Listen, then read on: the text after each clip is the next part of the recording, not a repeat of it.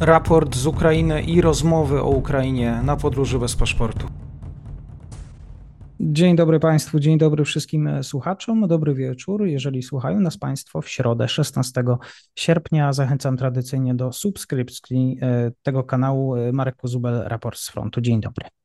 E, witam serdecznie Matuszu, pozdrawiam Ciebie oraz widzów i słuchaczy Podróży bez paszportu. Dzisiaj e, na początku jeszcze sytuacja na froncie, później jeszcze kilka wątków e, pobocznych. E, jakie ruchy wojsk ukraińskich, rosyjskich, coś się zmieniło? No, jeżeli chodzi o odcinek południowy, czyli zaporowsko-włodarski, tam gdzie trwa ukraińska ofensywa, albo jak niektórzy uważają, że to jeszcze nie jest ofensywa, tylko po prostu takie działania zaczepne, E, to przede wszystkim mamy do czynienia z dwoma ukraińskimi progresami. E, pierwszym progresem jest e, rzecz jasna wieś Robotynę.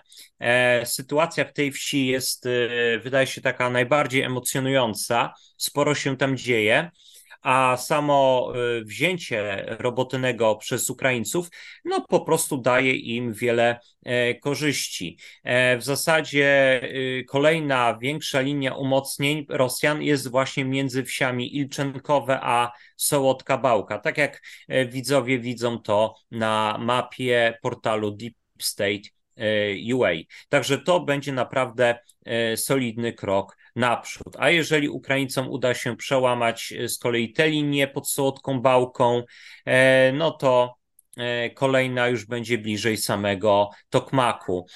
Niektórzy ukraińscy eksperci, analitycy, tacy jak chociażby Aleksandr Musienko, uważają, że nawet nie samo wzięcie Tokmaku, ale dojście pod to miasto, dojście samej linii frontu E, może skłonić Rosjan do e, rozpoczęcia odwrotu. On nie będzie oczywiście natychmiastowy, ale może to troszeczkę przypominać e, to, co Rosjanie robili od mniej więcej ostatniej dekady października 2022 roku na odcinku hersońskim. A co się zakończyło notabene 11 listopada ubiegłego roku, czyli wyzwoleniem e, Hersonia aż po i samego obwodu aż po rzekę Dniepr. E, I tutaj może być podobnie, czyli że po prostu dojście linii frontu, nie tylko zresztą pod Tokmak, ale też pod Wołnowachę, może skłonić Rosjan do tego, żeby e, zacząć planować jakieś wyjście awaryjne, tudzież jak to oni sami nazywają, czyli Rosjanie, wykonać kolejny gest dobrej woli. Tak to tutaj wygląda. Jeżeli chodzi o samą wieś Robotynę, to tutaj trzeba podkreślić, że północna, a także prawdopodobnie również zachodnia część wsi, e, czyli tutaj, jak Państwo widzą, tam gdzie są też umocnienia, e, znajduje się już w rękach ukraińskich. E, centrum jest i być może również wschodnia część wsi jest prawdopodobnie strefą szarą, strefą walk, gdzie tak naprawdę żadna ze stron nie może powiedzieć, że to ona kontroluje dany teren. E, południe na chwilę obecną jeszcze na 100% jest w rękach strony rosyjskiej. E, trzeba też zerknąć na to, co się dzieje na południu od miasta Wyłyka Nowosiłka. E, I tutaj mamy do czynienia z postępami ukraińskimi od strony i Staromajorskiego i Urożejnego. Tutaj w tym wypadku Ukraińcy idą po obu stronach rzeki Mokry Jar kierunku wsi Zawitne Bażania. Już teraz, a być może nawet jeszcze wczoraj, Ukraińcy zaczęli naciskać na tą wieś. Dzisiaj mamy to w zasadzie potwierdzone. Kolejna też ciekawa rzecz. Dzisiaj potwierdzono to, co już wiemy na pewno od dwóch dni czyli że urożajne znajduje się w rękach ukraińskich. Dlaczego jednak e, ukraińskie Ministerstwo Obrony wstrzymywało się z ogłoszeniem tego, co już w zasadzie i tak większość e, osób e, śledzących różne kanały telegramowe czy konta na Twitterze już no, wiedziała od tych właśnie paru dni, po prostu tak jak już nieraz wskazywałem, ukraińskie władze wolą się wstrzymać z ogłoszeniem przejęcia kontroli nad jakąś miejscowością z obawy o to, że rosyjski kontratak e, po prostu doprowadzi do ponownej utraty danej wsi lub miasta, albo doprowadzi do sytuacji, gdzie no właśnie żadna ze stron nie będzie mogła powiedzieć, że kontroluje dany teren, czyli że po prostu będzie on kontestowany.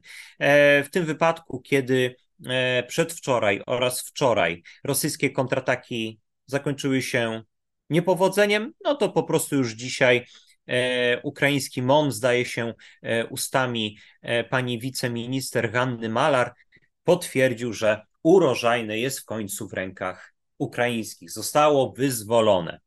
E, no i w każdym razie teraz Ukraińcy e, nacierają właśnie na zawitne Bażania, zaraz za nim jest Staromłyniwka, e, która jest nie tylko po prostu kolejną wsią, nad rzeką Mokry Jar, ale to jest również, jak Państwo widzą, skrzyżowanie dość, y, dość istotne, e, przynajmniej na tym e, niewielkim odcinku. E, także tutaj wtedy Ukraińcy stworzą sobie dość solidny wyłom i będą już po prostu bardzo blisko pierwszej linii rosyjskich umocnień a dalej prawdopodobnie Ukraińców będzie czekała w dużej mierze otwarta przestrzeń, choć fakt faktem teren jest tutaj nierówny, e, pagórkowaty, e, także mimo wszystko to nie będzie e, jakaś łatwa przechadzka dla Ukraińców. Jeżeli chodzi o odcinek Doniecko-Awdijiwski, to tutaj trzeba podkreślić jedną rzecz. Tutaj praktycznie nie ma jakichś wielkich zmian.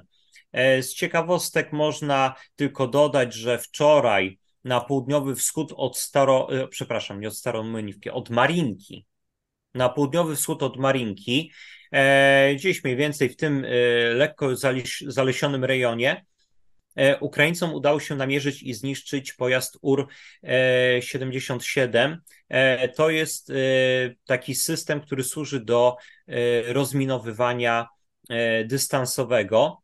E, po prostu wystrzeliwuje on ładunek wybuchowy, e, który tworzy przejście w polu minowym, ale może ten pojazd być również wykorzystywany do e, niszczenia, oczyszczania umocnień przeciwnika. Także mimo wszystko jest to bardzo groźna broń. I no, Ukraińcy odnieśli dość niemały sukces, niszcząc coś takiego. E, jeżeli chodzi o sytuację pod Kliszczyjówką, Andriiwką, Kurdiumiwką, tutaj w zasadzie nie ma e, zmian na linii frontu. Można tylko odnotować to, że rzeczywiście Kliszczyjówka e, albo jej ruiny prędzej, znowu są w większej mierze pod kontrolą rosyjską, ale to też jakoś szczególnie sytuacji Rosjan nie poprawia, bo Ukraińcy, jak już wspominałem parę razy, nie dążą do tego, żeby za wszelką cenę przejąć ruiny E, tego terenu zabudowanego. Bardziej mi jednak zależy na tym, żeby na spokojnie zająć Kurdiumiwkę i Ozarianiwkę, no ale tam akurat zmian też nie ma wielkich. Nieco więcej dzieje się z kolei nad rzeką Doniec oraz na północ od niej. Przede wszystkim Rosjanie mocno naciskają na wieś e, Biłochorivka. Ona oczywiście nieraz już była obiektem rosyjskich ataków. Na razie się utrzymuje ale Rosjanie już kilka razy niebezpiecznie się zbliżyli do jej e, zabudowań. A jeżeli chodzi o walki na północ od rzeki Doniec, czyli jeżeli chodzi o odcinek Słobożański, to tutaj w zasadzie y, mają miejsce walki. E, mają miejsce rosyjskie ataki. Ich trochę naprawdę jest, szczególnie w lesie sierybriańskim, na Torskie, czasem również na Newskie, Makijówkę. Walki toczą się również E, tutaj na zachód od Karmazyniwki, Rajgorodka, e, ale tutaj w zasadzie Rosjanie już zaprzestali jakichś takich większych działań mających na celu wyparcie Ukraińców. E, tutaj jeszcze trzeba wspomnieć o, oczywiście o tym, że walki toczą się na zachód od wsi nowoseliwskie. No i obecnie największy nacisk E, ma miejsce w kierunku miasta Kupiańsk. E, no tutaj trwa, mają miejsce takie bardzo ciężkie walki. Rosjanie starają się za wszelką cenę zdobyć Synkiwkę. To im na razie nie wychodzi. E, niemniej jednak sytuacja jest dosyć ciężka i nawet skłoniła e, generała Syrskiego do pojawienia się e, na tamtym odcinku po to, żeby osobiście zbadać sytuację, stwierdzić, jak niebezpieczna ona jest na dobrą sprawę. No, mhm. jeżeli chodzi o kwestie frontowe, to to w zasadzie tyle. Mhm. Pojawiają się też e, informacje o tym, że zginęło dwóch, zmarło dwóch e, raczej generałów rosyjskich. Czy to były ważne postacie? Znaczy, przede wszystkim myślę, że najbardziej ciekawa jest śmierć pana e, generała Genadija Żydko. Był on w okresie letnim ubiegłego roku szefem znaczy szefem, dowódcą w zasadzie e, wojsk rosyjskich, które e, brały udział w inwazji na Ukrainę. E, właśnie generałowi Żydko przypisuje się również e, ciężkie y, straty poniesione w walkach o Siewierodonieck. Ja tutaj tak tylko zbliżę mapę, żeby przypomnieć widzom, e, gdzie to miasto się znajduje. Właśnie tutaj, nad rzeką Donieck, E, nad rzeką Doniec. E, walki e, o Siewierodonieck no, były jednym z takich najgłośniejszych najgłośniejszych tematów, jeżeli chodziło o letni okres wojny rosyjsko-ukraińskiej. No one były bardzo emocjonujące. Niektórzy uważali, że od y, losu y, tego miasta zależy to, czy Ukraińcy utrzymają się w Donbasie. No nawet takie głosy były. E, no i koniec końców walki w Siewierodoniecku prawdopodobnie okazały się dużo bardziej kosztowne dla Rosjan niż y, Ukraińców, e, bo potem okazało się, że rosyjskie natarcia zaczęły po prostu słabnąć, e, a kołdra okazywała się zbyt krótka. Po prostu Rosjanom brakowało żołnierzy, aby solidnie obsadzić wszystkie odcinki frontu. Czym się to skończyło? Myślę, że wszyscy wiemy. Skończyło się to wyzwoleniem między innymi tego tutaj terenu oznaczonego na zielono. Być może, też... Tak, tak. Proszę. E, być może właśnie obwiniano generała Żydkę o to, że e, w dużej mierze to on ponosi odpowiedzialność za to, jak wtedy e, przebiegała ta sytuacja. E, no, miał, zdaje się, chyba 58 lat.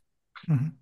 Także pytanie, czy to na pewno była śmierć z powodów naturalnych, no powiedzmy jakieś choroby, może miał nowotwór, e, czy może jednak ktoś w rosyjskim stylu postanowił mu pomóc po to, żeby ten odszedł do tak zwanej krainy wiecznego śledztwa.